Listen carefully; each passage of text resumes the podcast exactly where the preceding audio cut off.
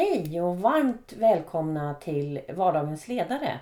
En podd som handlar om ledarskap helt enkelt.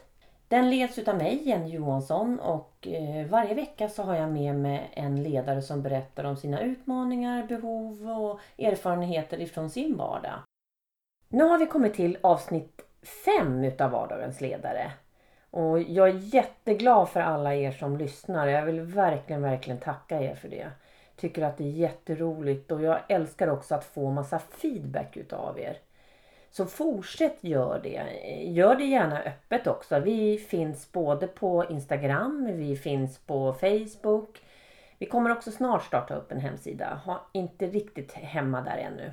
Så eh, ge mig jättegärna feedback. Både sånt som ni tycker att jag ska fortsätta göra och sånt som ni kanske tycker att jag behöver tänka lite mer på. Idag i avsnitt 5 så kommer vi få träffa Pia Engvall. Det här är en stark, intelligent och väldigt godhjärtad människa.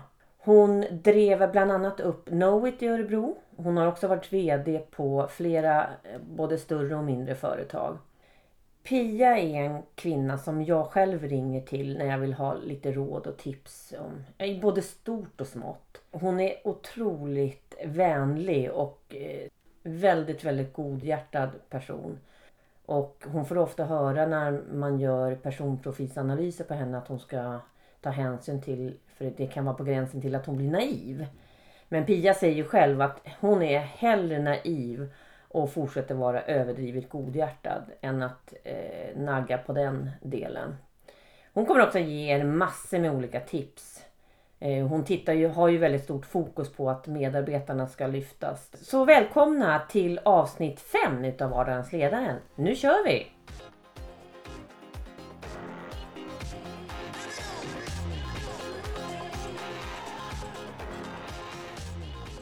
Vardagens ledare är sponsrade av eh, Angap den här veckan. Och Angap är ju en marknadsföringsplattform. Och i slutet på det här avsnittet så kommer ni få höra Christer Chipley som är vice VD på Ungapped att berätta om hur han ser på deras produkter och eh, deras värderingar. Eh, han pratar ungefär i 15 minuter i slutet så passa på att lyssna på honom. Tack så mycket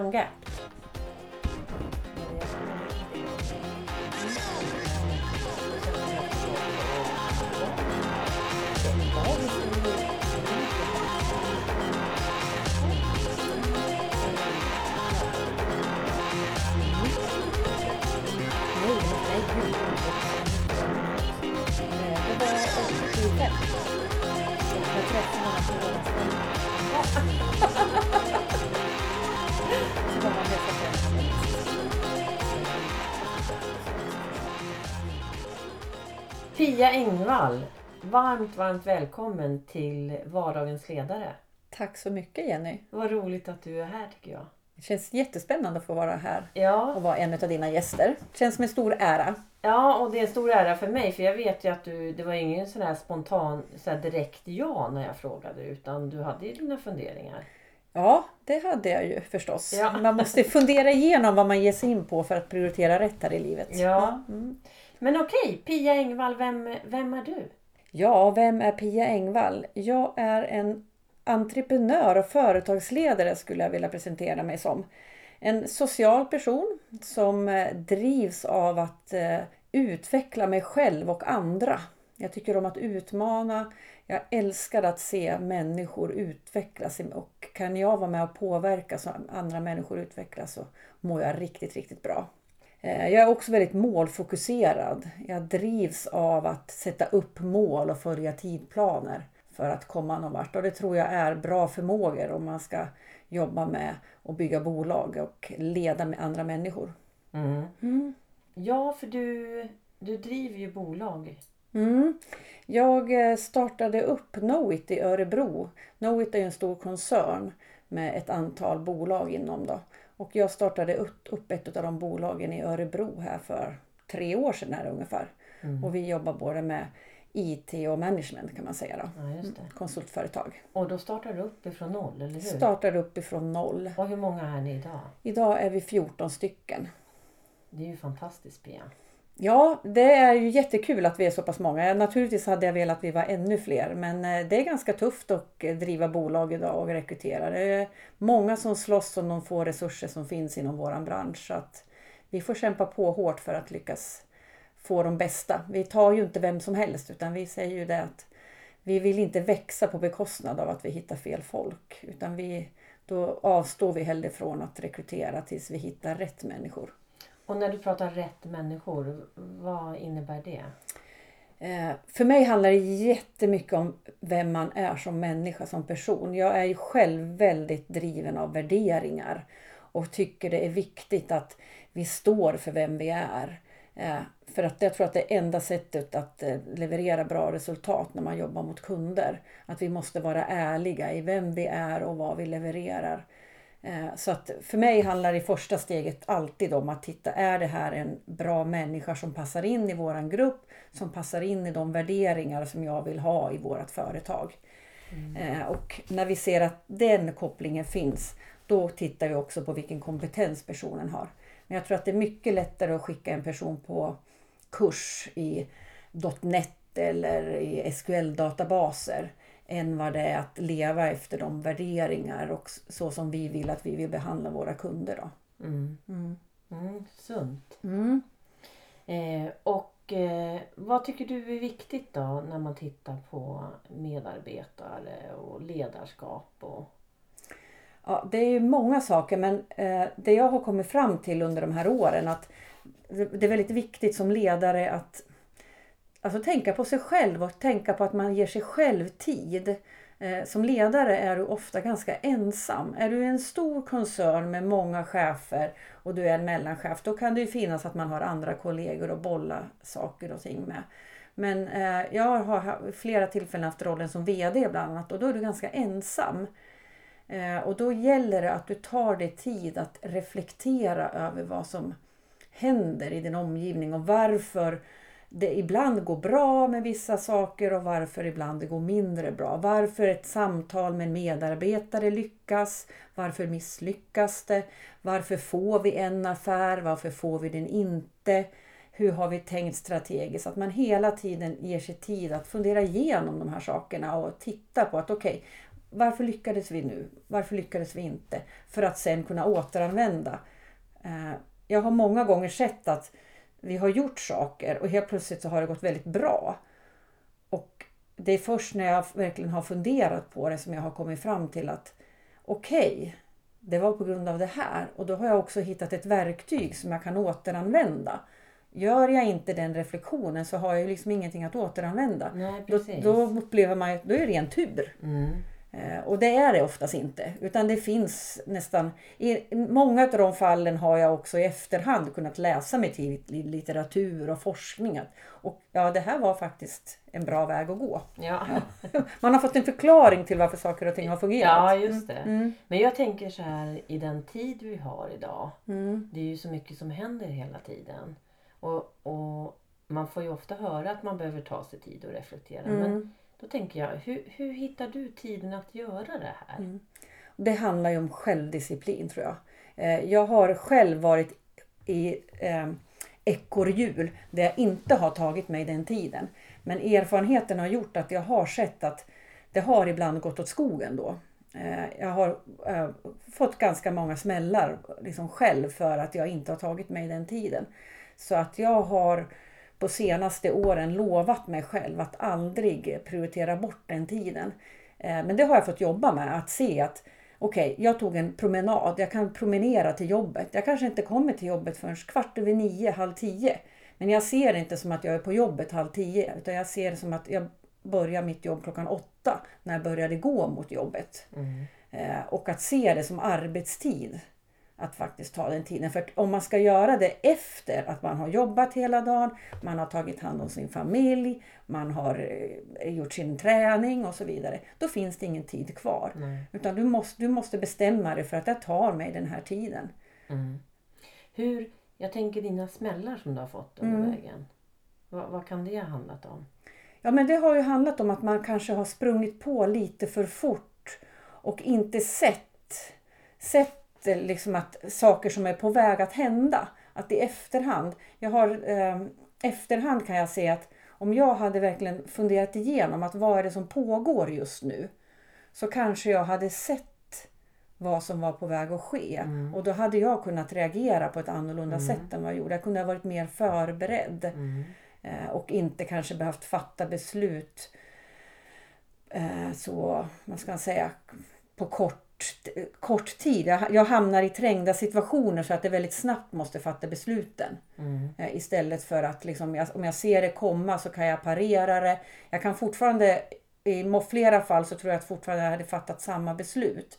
Men jag tror inte att det hade varit lika jobbigt att fatta de besluten som jag har fattat. Ja, Nu har, man så, fått, ja. nu har man fått hantera besluten man har fattat i efterhand istället. Att oj, vad hände? Hur blev det så här? Ja, så du som ledare blir tryggare när du, kan ha, när du ger dig tiden att reflektera så att du är med på vägen redan när det händer och, och då redan färdig mentalt. Ja, och jag kan också, tittar vi på att när vi ser att det är saker som händer i företaget till exempel, så kan jag ju också jobba med medarbetarna på ett helt annat sätt. Man kan upptäcka, man, man kan vara så irriterad på en person ibland.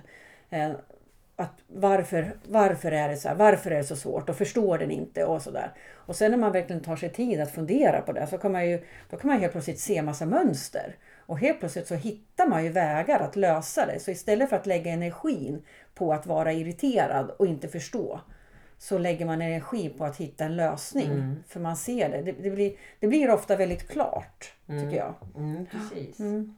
Och du som är så människoorienterad också så blir ju det här, ja du ser ju verkligen det här som ett framgångs eh, Jag är helt över... verktyg. ja, alltså, All arbete handlar om att vara med människor oavsett om det är med mina medarbetare, det handlar om andra chefer eller ledare som jag jobbar ihop med eller med kunder. Vi jobbar med människor hela dagarna. Och eh, jag är helt övertygad om att förstår vi människor och får människor att må bra eh, så lyckas vi också med de företagen vi har. Vi, och det är precis samma sak med en kundrelation. Att du måste förstå kunden, du måste förstå deras behov. Och det är först när du är intresserad av det. Och även där ibland kanske reflektera. va- Var, varför efterfrågar de det här? Är det verkligen det som är deras problem? Eller finns det något annat som är bakomliggande? Så att vi då också levererar rätt lösning. Mm. Men hur får vi medarbetarna att må bra då? Medarbetare får man inte alltid att må bra för det är inte bara vi som styr över det utan man har ju också ett privatliv. Men jag tror genom att lyssna, genom att ge dem, genom att få dem att synas. Mm. Eh, Och sen tror jag väldigt mycket även där på det här med att vara ärlig i sig själv. Att eh, man accepterar att vi- vi har bra dagar, vi har dåliga dagar. Eh, Vi måste skapa förutsättningar för att man ska fungera på jobbet oavsett om jag har en bra och en dålig dag. Mm. Eh, Och sen att eh, man får människor att utvecklas. Att ger man människor bra möjligheter att få utvecklas och att de känner att de får faktiskt lär sig nya saker. Då tycker de att det oftast är roligt och då blir det roligt att gå till jobbet. Och då mår man oftast bättre. Mm. Då mår man också bättre i sitt privatliv. För det är en mycket roligare mamma eller pappa som kommer hem från jobbet när den känner att jag har gjort något bra idag. Jag har lyckats med det har jag gjort. Och då handlar det också om att inte bara att ge dem rätt förutsättningar att lyckas utan också tala om när de lyckas. Att man ger den här återkopplingen hela tiden. Vi är väldigt duktiga på att återkoppla när vi gör någonting fel. Men att återkoppla när vi gör någonting bra och lyfta de goda exemplen. För det tror jag, det är också så vi bygger företagskultur. För det pratar man ju också väldigt mycket om. att Hur, hur bygger vi de här fina värderingarna? Vi har massa fina kärnvärden på väggar och det är på webben. Vi berättar, alla bolag man läser om. Man kan nästan inte skilja ut företagen för att de har lika vackra ord allihopa. Men när man sen börjar skrapa på det, att vad är det vi egentligen lever efter? Då hittar man ju ganska stora skillnader. Mm. Och där tror jag man kan jobba väldigt aktivt med med- medarbetarna i form av att till exempel lyfta upp exempel att här är det en person eller en medarbetare som har gjort någonting som helt stämmer överens med hur vi vill att vi ska bete oss i det här företaget. Och så lyfter man dem hela tiden och tar fram, tar fram konkreta exempel hela tiden. Mm. Och också tvärtom naturligtvis. Men det tycker jag inte att man kanske ska lyfta inför hela gruppen. Nej. Men, inte hela gruppen, men att man pratar, att man Ja. vågar, vågar också det modet att liksom när man ser att nu funkar det inte. Det här du gjorde nu var inte okej. Det är inte så här vi vill att vi ska bete oss på det här företaget. Att man faktiskt vågar ta ett resonemang runt det. Mm, det tycker jag Ja, är viktigt. Och, och det kan vara jätte, jätte obehagligt att göra det. Mm. Men ibland har jag också, eller många gånger har jag faktiskt märkt att när jag har tagit upp frågan så är det också en lättnad för medarbetaren. För det kan vara att de tror att jag vill att de ska bete sig på ett visst sätt. Och så visar det sig att, och vad skönt, jag behöver inte göra sådär. Jag kan vara mig själv. Och då blir det mycket bättre. Och då mår ju naturligtvis medarbetarna mycket, mycket bättre. Mm. Och- Ja, vad härligt. Ah, Eh, jag tänker också just det här att vara sig själv. mm. Eh, för det har jag förstått att du tycker är en väldigt viktig del, Pia. Alltså, jag är ju en känslomänniska och är ehm, väldigt lätt att läsa av. Det är ett problem ibland. Men, Ja. men jag har vänt det problemet till en god egenskap istället. Att jag vet att eh, gör, är jag ärlig i mig själv så ser människor det och då, får, då skapar man en tillit och lojalitet. Eh, och det är också både mot medarbetare och kunder. Vilket gör att om jag inte känner att det inte fungerar, att jag inte är mig själv, då är inte jag heller en bra ledare. Ja. Nej. Och, då, och det kan jag aldrig ändra på. Nej. Utan då måste jag fatta ett beslut. Ska jag vara kvar på den här arbetsplatsen eller ska jag vara på en annan arbetsplats? För jag kan aldrig ändra värderingarna i ett företag. Eh, sen händer det ju, jag har ju varit med om det, att jag faktiskt har sagt upp mig på arbetsplats som har berott på att vi har samma värderingar, eh, i alla fall på pappret, men att vi sen eh, inte kanske behandlar alla människor utifrån de värderingar. Och det är för mig ett större problem än att eh, vi har olika värderingar. För har vi olika värderingar, då kan jag välja vilken arbetsgivare jag vill ha. Ja. Men har vi låtsas vi att vi har samma värderingar, men att vi sen inte lever upp till dem. Eller att det är olika innebörd i Inne, värderingarna. ja, innebör, Ja. In, innebörden i de här Mm. orden. Och ibland är det så att jobbar man inte aktivt med de här sakerna så vet vi kanske inte vad vi menar. Vad menar vi med att vi ska vara engagerade eller vi ska vara, vad heter det, eh, vad ska vi ta för exempel? Ja, hög kvalitet. Hög kvalitet, Kundfokus kundfokus, medarbetarfokus. Ja, vad menar vi med de här Mm. olika orden? Eh, Vi har en sån diskussion just nu där, på, på Knowit. Vi pratar om strategier, vart vi vill och så vidare. Och så diskuterar vi vart vi vill, men vad menar vi egentligen med det? Om vi säger att vi vill vara på ett visst sätt, vi behöver ju också diskutera vad innebär det att vara på det sättet? Att man faktiskt går ner till de här detaljerade frågorna. Om, liksom, för det är återigen, det är de här, liksom, gå bort från de här powerpoint-bilderna, vackra bilderna och diagrammen till faktiskt, okej, vad innebär det här för oss i vardagen? Till varje enskild person. Till varje enskild Ja. person. Vad innebär det här i vardagen för oss?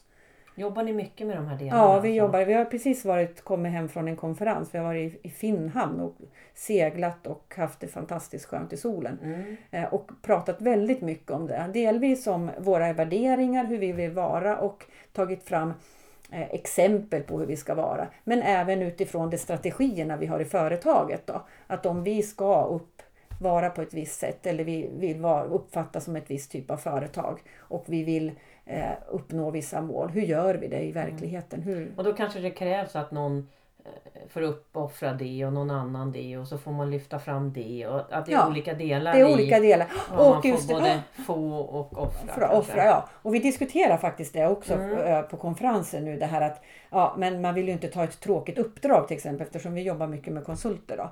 Ja, fast om man, om man kan ta ett uppdrag som man kanske personligen inte är det mest utvecklande för mig. Men om vi kan se att om vi gör, tar det här uppdraget, då kan det leda till någonting annat inom företaget. Eh, Då kan ju det vara, bli, helt plötsligt bli ett roligt uppdrag. Mm. För då får ju den medarbetaren vara med att få bolaget att gå åt ett visst håll. Då har man ju helt plötsligt en ganska stor påverkan i vart företaget tar sig. Och här handlar det också om ledarskap, att förklara det för de medarbetarna. Att, ja, om man bara tittar på pappret på det här uppdraget eller det vi ska göra mot den här kunden så kanske det inte är den mest spännande tekniken, det kanske inte är de mest spännande sakerna. Men det i sin tur tar oss på våran resa på väg mot målet. Att man visar tydligt, var är målet? Mm, ni pratade väldigt så här. Ja, det är väldigt konkret. Ja, men konkreta Ja, saker. Ja, mycket konkreta. Mm. Och det tror jag har varit en framgångsfaktor för mig i alla fall som ledare. Mm. Eh, Att jag har fått med mig medarbetarna på de resor vi har varit ute Ja, det på. blir ingen hög ab- abstraktionsnivå och Nej. flummigt utan Nej, Ja. och, det, och framförallt relevant. Vi pratar, väl, vi pratar mycket om att målen ska vara smarta och realistiska och mätbara. Men just det här med att, att, att de faktiskt är relevanta för mig som människa. Eh, jag har, var ju VD för ett bolag där vi hade stora tillväxtmål under flera år. Och vi pratar väldigt mycket om hur mycket vi ska växa, hur många personer vi ska anställa, vilken vinstmarginal vi ska ha. Men, de- och de målen går vissa igång. Jag kan gå igång på ett sånt mål. Men jag har upptäckt att det gör inte alla andra. Alltså alla tekniker tycker inte att det är jättespännande om vi är 40 personer eller 70 personer. Det är inte det som de tycker är roligt att gå till jobbet. Utan det finns andra saker som är mer relevanta för dem. Så när vi började att formulera om de här målen till det som var relevant för medarbetarna, då fick vi ett helt annat fokus. Och jag tyckte också att diskussionerna om att vårt företag har inga mål, för det är också något som kommer upp ofta i, i medarbetarindex och sånt där. Att ja, men vad är målen? Nej, men vi har inga bra mål eller så vidare. Eh, och det är oftast att de inte är relevanta för, för alla företag har mål. Okej, så de vart, det vart mer tydligt för medarbetarna vilka mål som var satta när ni kom ner på den Ja, nivån? det var också återigen mer handfast, mer Mm. relevant för dem, mer på deras nivå. Då blev det helt plötsligt intressanta mål. Just. Och då fick vi upp vårt med. Det är oftast de här medarbetarundersökningarna har ju den typen av frågor. Både gäller två tuffa saker som jag alltid har tyckt. Det är kommunikation och det är vilka mål företaget har. Om man som me- medarbetare eh, vet dem. Vi höjde oss kraftigt i de båda frågorna när vi började jobba mycket tydligare med att s- skapa andra typer av mål. Det där gillade jag. Mm. Vad häftigt. Nej, men det, och det var ju också en sån sak som jag faktiskt har lärt mig efter. Vi gjorde det här och vi såg att det fungerade. Mm. Sen läste jag en psykologikurs och där kom det här upp. Ja, Och då vart det, det vart så klockrent. Det var därför det funkar. Så naturligtvis använder jag det framöver nu. verkligen. Det förstår jag. Mm. Eh, men jag, jag tänker också Pia, när du sitter i alla de här funderingarna som, Mm. som ledare. Och, vem pratar du med? Ja, jag, vi, vi- just i Knowit i Örebro som vi har så har vi faktiskt ett delat ledarskap. Det är ju jag tillsammans med en kollega, Sia Arvild. Vi jobbar väldigt nära varandra och bollar mycket. Men jag har också eh, under många år haft en coach. Och det tycker jag har varit en enorm styrka. Jag brukar säga att hon har tjänat många miljoner till mig. Ja, vad bra. Just genom att man har kunnat gå till någon utanför. Mm. Och ska man ha en coach så tror jag man ska ha på det sättet som jag hade där jag hade en person som verkligen eh, såg till att jag använde mina styrkor. Eh, Hon såg vad jag har för styrkor i, i mitt ledarskap. Och när vi diskuterade utmaningar eh, som jag har i mitt jobb så utgår vi alltid från eh, okej, utifrån det utmaningen vi har och det du är bra på. Hur hittar vi då en väg vidare för dig? Eh, vilket gjorde att det var ju också en enorm egoboost varje gång. När jag, gick ifrån, Ja, när, när jag går ifrån min coach så känner jag att jag är världens bästa chef. Ja. Det, det går ibland fort över. Det kan ibland räcka att man kommer till kontoret och får en ny utmaning. Men just den här känslan av att jag har verktyg som jag kan använda. Och det tror jag också är en viktig faktor som ledare. Att du kan visa dig trygg inför dina medarbetare. Att du liksom tror på dig själv. Du vet att det finns lösningar. Jag kommer att kunna lösa de här problemen. Du behöver inte vara orolig. Precis. Ja. Samtidigt som man också kan erkänna att jag behöver tänka igenom det här. Mm. Och det har jag lärt mig också med åren att jag måste ibland gå hem och analysera. Jag är inte så snabb alltid. Utan jag behöver säga att ja, jag får återkomma. Jag ska fundera. Hur löser vi det här? Jag måste sova på saken först. Mm. Och det har jag liksom accepterat att sån är jag. Och det berättar jag för mina medarbetare. Det brukar inte vara något problem. Ja, så det är väldigt transparent. Väldigt transparent. Så. Men, jag- men jag tänker, ja, för det, någonting jag vet är ju att som ledare, man är ju väldigt ensam ibland. Så jag tycker Mm. det är väldigt sunt att hitta en coach sådär. Eh, alltså jag hade inte klarat mig de åren jag har varit VD utan en coach. Mm. Jag, jag tror att det var helt avgörande för att jag skulle lyckas. Just för att jag kände mig så, har känt mig så otroligt ensam många Precis. gånger. Men man kan tänka coach och man kan ju tänka mentor. Det finns Mentor, olika ja, det finns ord olika. för det Ja, här. ja, precis. Så, Och, men, och jag är ju mer inne på det här det som har varit bra för mig då. Det är ju just det här att Eh, det, det har det faktiskt varit ren coachning. Att Ja. personen i fråga har väldigt hög kompetens om ledarskap men egentligen ingenting om min bransch. Men jag har ju ändå fått hjälp med att förhandla med kunder som jag har tyckt när jag har varit i svåra förhandlingssituationer och så till exempel. Bara av att hon har känt till mina styrkor. Att, återigen, hur använder jag dem i den här situationen jag ska vara i? Sen om det är en situation med en, en kund eller en medarbetare eller min styrelse eller till och med familjen ibland. Ja, men just det. Så har man fått hjälp. Ja men det är bra. Ja, precis. Nej, jag, jag tänker också... Eh, jag är lite nyfiken på er ledningsgrupp Pia. Mm. Eh, hur, hur jobbar ni med den? Är det, Tycker du att det är en viktig Det del? tycker, ja, och just nu har vi ett lite mindre företag. Eh, men jag har jobbat i större bolag tidigare. Eh, och, men även det jag försöker implementera och det som är viktigt i, även i den rollen tycker jag är just det här att man har ett gemensamt ansvar.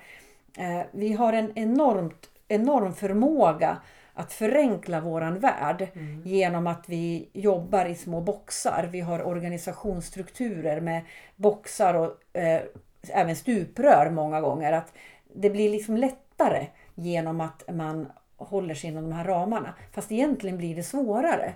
För att vi sitter i samma båt. Eh, du blir också ensammare som ledare när du är tydlig i din lilla box. Men kan du få gruppen, att, eller liksom ledningsgruppen med de eh, Ofta består ju ledningsgruppen av ett antal chefer som är ansvariga för olika områden. Mm. Men kan du skapa en, en känsla av ett gemensamt ansvar och att man stöttar varandra. Då, då går vi delvis, slipper vi den här känslan av ensamhet.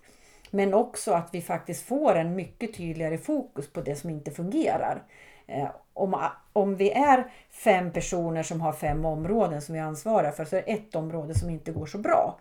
Eh, om det bara är en person som ska försöka rätta till det så kan det krävas ganska mycket energi. Men om vi istället hela ledningsgruppen på fem sex personer kan, kan jobba med det problemet så är det mycket lättare att lösa det. Så det känner ju hela företaget då.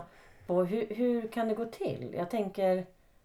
Hur, hur Ja, det, det, man? ja, det, det handlar om hur jag mäter. Hur jag Ja. mäter mina chefer.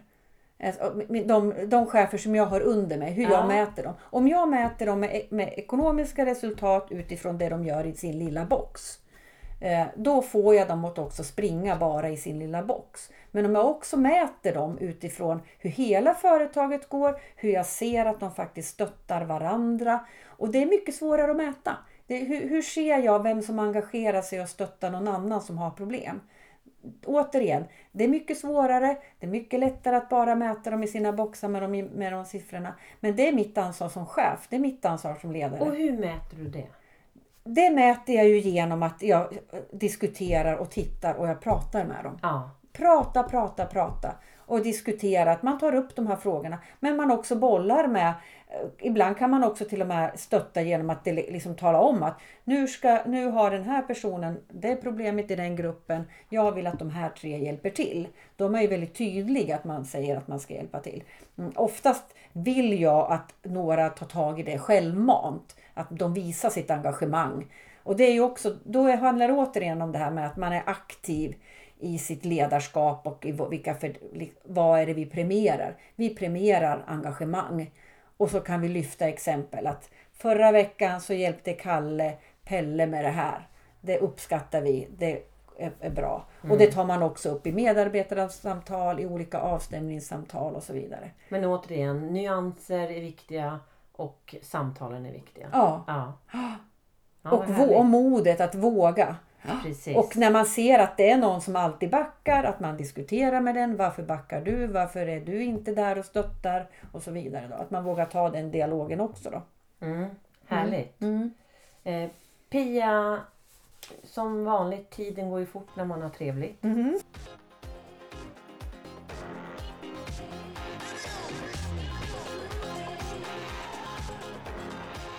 Jag brukar alltid fråga Pia, de som är med i den vardagens ledare, ord som beskriver dem.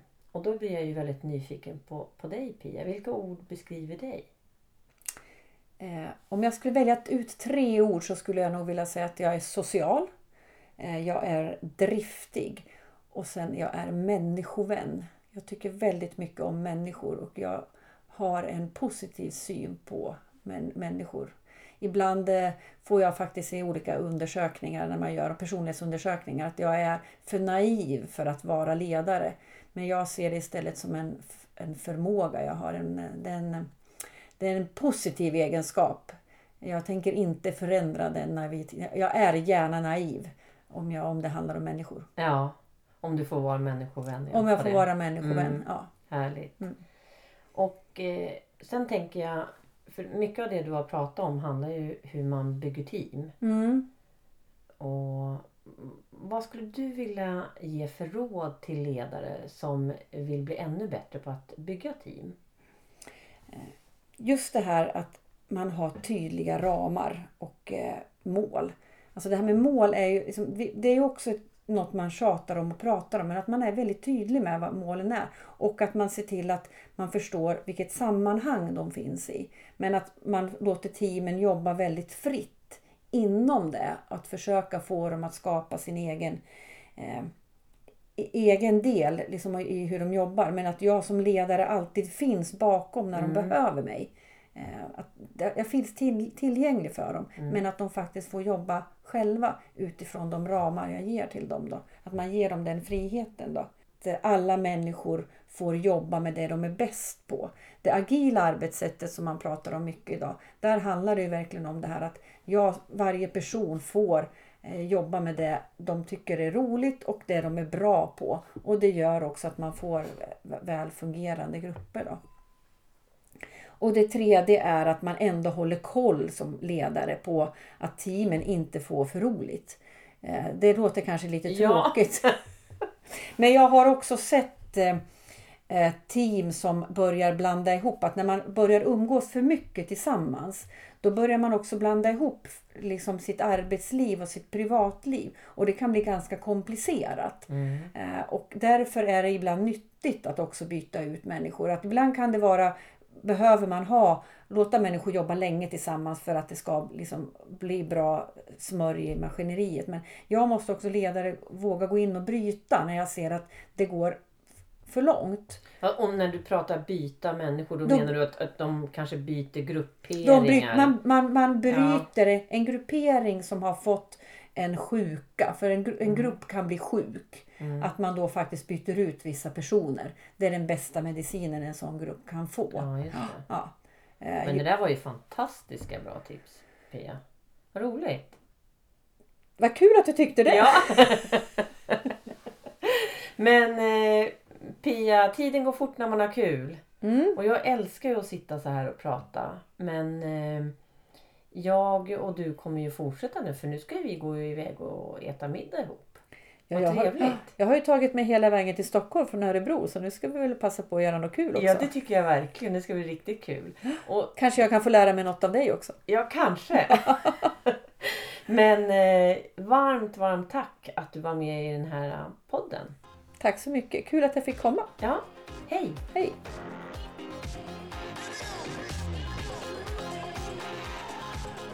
Då hälsar jag dig varmt välkommen Christer Shipley. Vad roligt att du är med här idag. Ja, tack så mycket och jätteroligt att få vara med i den här podden. Ja, men jag, då vill jag ju gärna höra dig berätta. Vem, vem är du och vad har du för bakgrund Christer? Ja, vem är Christer Shipley egentligen? Det kan man fråga sig. Um, jag har en bakgrund, jag är utbildad retoriker och ekonom. Eh, hamnade direkt efter eh, universitetet inom säljvärlden. Jag ville komma ut och jobba ganska snabbt. Jobbade som kontorsvarusäljare i fem månader.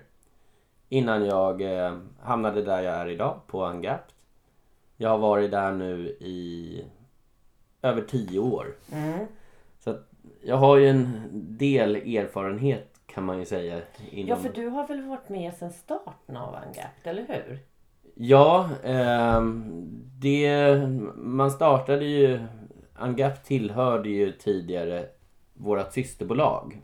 Eh, de startade egentligen 96 och då var jag 14 år så jag var inte med nej, då. Inte då nej. Eh, sen släppte man Ungapped, eller då som den hette tidigare, Mail Direct, som en egen tjänst sen vinter 2005. Mm. Och jag kom in i företaget i januari 2006. Mm, Okej. Ehm, Så då hade jag egentligen en utvecklare och ja, en halv support i stort sett. Just det. Eh, Design fick jag hjälp med på di- distans från London. Och... Så det såg lite annorlunda ut då om man jämför med nu. Ja, för hur ser det ut nu? Eh, idag har vi ju... Vi är helt egna. Vi har helt egen eh, utveckling in-house. Vi har egna designers och strateger sitter. Vi ansvarar för vår egna kundtjänst. Där vi har gjort en skillnad att vi har lärt designers att svara i telefon. Istället för som tvärtom. Där man lär kundtjänstpersonal lite design. Ja, just det. Men det ligger ju lite i tiden också nu. Eller ni har ju då legat före i tiden får man ju säga. Ja, man, jag brukar säga det. Vi har väl den dyraste supporten i världen om man ser till vad personalen faktiskt kostar. Ja, just det. Men eh, det är ju också någonting som är en styrka för oss. Mm. Eh, kunderna vet att de får hjälp direkt och kommer i kontakt med rätt person Ja, med en gång. det. Det är bra. Ja, så det är ju... Och det har jag som kund märkt av. Ja, Ja, precis. Det går väldigt snabbt och det är personligt och det, det är engagemang. Så känner jag. Ja, och det är ju det vi hela tiden har som förhoppning att vi ska kunna förmedla. Mm. Och att våra kunder känner sig sedda och eh, hörda. Mm, Framförallt. precis. Eh, Vad har du för roll då Christer på Ungapped? eh, jag ansvarar för egentligen all försäljning men också för eh, eh, ja, hela bolaget operativt. Ja, för vad har du för titel? Eh, Jag är vice VD på Ja, det. Mm. Ehm, Så jag sköter egentligen hela Nordenmarknaden för våran del. Mm. Sen har vi ju även lanserat i USA för cirka sex månader sedan. Ja, just det. Ehm, Det är lite spännande. det är väldigt spännande. Det är en stor marknad. Vi, Kulturen är likadan som i Sverige eller? eh, kulturen är väldigt annorlunda mot hur den är i Sverige. Vi insåg väl ganska snabbt att amerikanarna är lite mera rakt på sak. Mm. De vill veta, okej, men vad kan vi göra med ert system? Och sen så vill de kanske lära sig, okej, ja, vi kan skapa exceptionella eh, kundupplevelser. Ehm, så att det är Lite skillnad, Lite skillnad. Mm. Det är ja, mycket rakare skulle jag säga. Mm, precis. Men om vi tittar då lite kortfattat sådär. Hur, hur, hur ser ert företags affärsidé ut? Ehm, alltså, vi har erbjudit en plattform för nyhetsbrev, sms och enkäter. Och med hjälp av våran plattform så vill vi egentligen överbrygga klyftan mellan marknadsföring och försäljning och få våra kunder att skapa exceptionella kundupplevelser. Mm. Så det är våra kunders kunder vi skapar Ja, det för. det. Eh, och det är egentligen oavsett var i kundresan som kunden befinner sig. Ehm, Och sen vet ju jag att ni är väldigt framgångsrika. Och vad är det som gör att ni är så framgångsrika? ehm, det skulle jag säga är att vår plattform fungerar för alla typer av bolag och organisationer. Oavsett om man är ett enmansbolag eller ett stort börsnoterat företag så funkar våran plattform. Mm. Och de flesta av våra kunder de, de gör det mesta själv.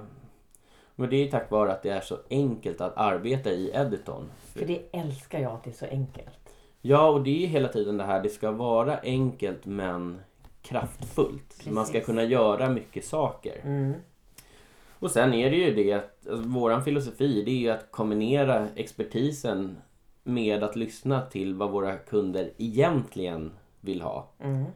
Så att jag tycker vi erbjuder ett mycket bättre alternativ än enkla enappslösningar. Hos oss får man allt i ett. Mm. Men sen, jag tror att ni är rätt ensamma på marknaden om just den här helhetslösningen. Är ni inte det? Ehm, finns det kanske några som... Men, Det finns ju några konkurrenter absolut men ofta när man jämför så är vissa konkurrenter kanske starkare på brevet bara. Mm. Eh, hos oss så har man liksom helhetslösningen Ja, på ett helt annat sätt. Och där vi har valt att inom sms så jobbar vi till exempel med en tredjepartsleverantör som är bäst över hela världen. ja, det där är så himla... Ja, Mm. inte uppfinna hjulet. Nej, men precis. Ehm, Ja, vad roligt. Jag tänker också, Christer, vad är företag, vad är Angaps eh, största utmaningar i framtiden då? Ja, som jag nämnde så har vi ju lanserat nu för ett halvår sedan i USA. Så att hela den resan är ju såklart vår största utmaning. Hur bygger vi upp kontoret där? Hur tar vi hand om våra kunder i USA på samma sätt som vi gör i Sverige? För det är ju lite tidsskillnad och så. Det är klart att det inte funkar att göra allt det från kontoret i Stockholm. Utan Nej.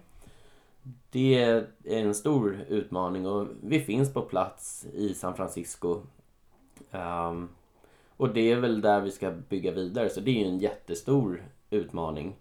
Um, tittar vi på hemmaplan så är det ju att få företagare att, att verkligen se mervärdet i att använda oss framför någon av våra konkurrenter. Mm, precis.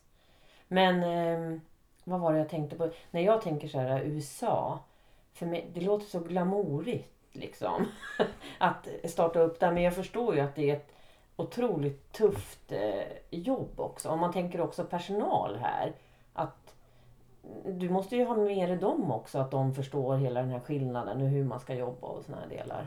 Ja, nej men det är ju ja, det är väl allt annat än glamour skulle jag säga. Ja, det är så. De delarna vi får se i USA. Ja, Ehm, men det är absolut ehm, ja, väldigt tufft.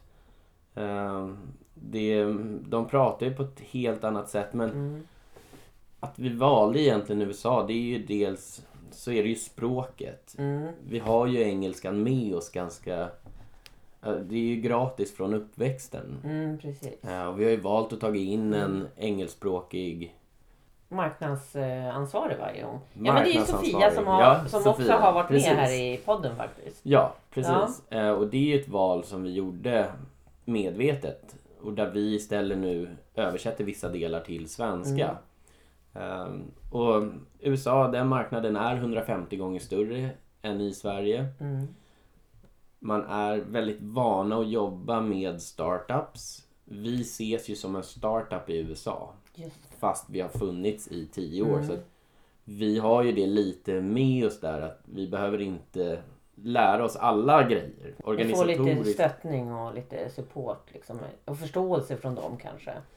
Ja, och det är ju också en fördel att komma dit och vara svenskar. Har Ja. ju vi märkt. Det, det gillar de. Mm. Ehm, Så när de är klara med det här och fråga, eller säga att ja ah, men gud, jag har släktingar från Sverige. Ja, då är det ju någonting exotiskt och vi är ju väldigt kända i Sverige för att ligga i framkant just med design och Mm. ja, marknad i stort. Mm. Ehm, Någonting som jag är lite imponerad av Christer, något helt annat som jag, eh, om du vill berätta lite om det. Det är ju att jag vet att ni vann en sån här, eh, är det en innovationstävling? Ja, eh, det stämmer. För två år sedan så vann vi en innovationstävling hos Post och telestyrelsen, eller för Post och telestyrelsen. Och det innebar egentligen, eller tävlingen hette Design för alla. Mm. Så att det vi tog fram var att alla våra nyhetsbrev som skickas via oss är anpassade för folk med synnedsättning och dyslexi. Ehm, och dyslexi, det finns så många varianter på det. Mm. Så att där har vi en funktion så att mottagaren kan ställa in hur ja, visa som webbsida-delen ska Ja se ut. Ehm, Så att den är väldigt anpassad. Och det är jättekul och det var en otrolig ära och väldigt lärorikt. Man tror sig veta mer än vad man egentligen, Egentligen gör ja. Mm. Nej men roligt i alla fall tycker Ja. jag. Och det visar ju också er, för någonting som jag gillar hos er det är ju just den här kreativa sidan hos er. Att ni hela tiden vill ta, det är ju inte bara, för om man tänker så här, en marknadsföringsplattform. Det låter ju inte jätteroligt. Men ni gör ju hela den här delen otroligt liksom, spännande. Ni tar det ju till nästa nivå hela tiden. Ja, och det är väl det jag känner också att det finns så många plattformar men om våra kunder också skulle ta hjälp av den expertis vi faktiskt besitter Mm. och som vi delar med oss ofta kostnadsfritt så skulle ju våra kunder kunna göra så mycket mera resultat. Mm, verkligen. För ofta, jag nämnde det tidigare, men det är det här med affärsnyttan. Att få in det tänket. Mm. Ehm, och små tweakningar kan ibland göra väldigt stora resultat. Precis. Ehm, så där, ett tips till er alla. ehm, ta hjälp av era leverantörer. De Mm. kan ofta mer och ger ofta mer än vad ni kanske tror. Ja, och vad man, än vad man har tänkt från början. För jag, när jag köpte tjänsten från början så var det ju bara för att kunna skicka ut nyhetsbrev. Ja, Men det har ju blivit så otroligt mycket mer för mig. Just Ja. det att jag kan se liksom, få statistik, jag har koll, jag, jag får hjälp med hur jag ska tänka i nästa steg. Och, så det är ju otroligt mycket mer. Så Det är Ja. roligt. ja, precis. Och bara det här att läs nyhetsbreven. Mm. Det, Där får man mycket tips ja. Precis, vi skickar ju ut tips varje månad. Mm. Eh, Och ändå har vi 45 till 50 procent i öppningsfrekvens. Och då kan jag tänka lite så här, okej, men de här 50 procent som inte läser våra nyhetsbrev, är de fullfjädrade e-postmarknadsförare? Antagligen. Ja. ja, Nej, men ja, det- ja, spännande att tänka ja. Ja. Och, vad, och vad gör man åt dem ja?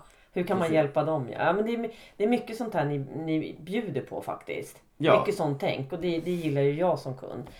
Men okej Christer, vad roligt att du har varit med och berättat lite mer om Agapt och om vem du är. Och jag är så otroligt ödmjukt tacksam för att ni vill vara med och sponsra Vardagens ledare. Ja, och vi är tacksamma att få vara med och, faktiskt sponsra och vara med så här i starten. Det är Ja. en spännande resa du har framför dig Ja, verkligen. med podden. Du, tack så mycket. Då hörs vi igen. Ja, det gör vi absolut. Ja, hej! Hej!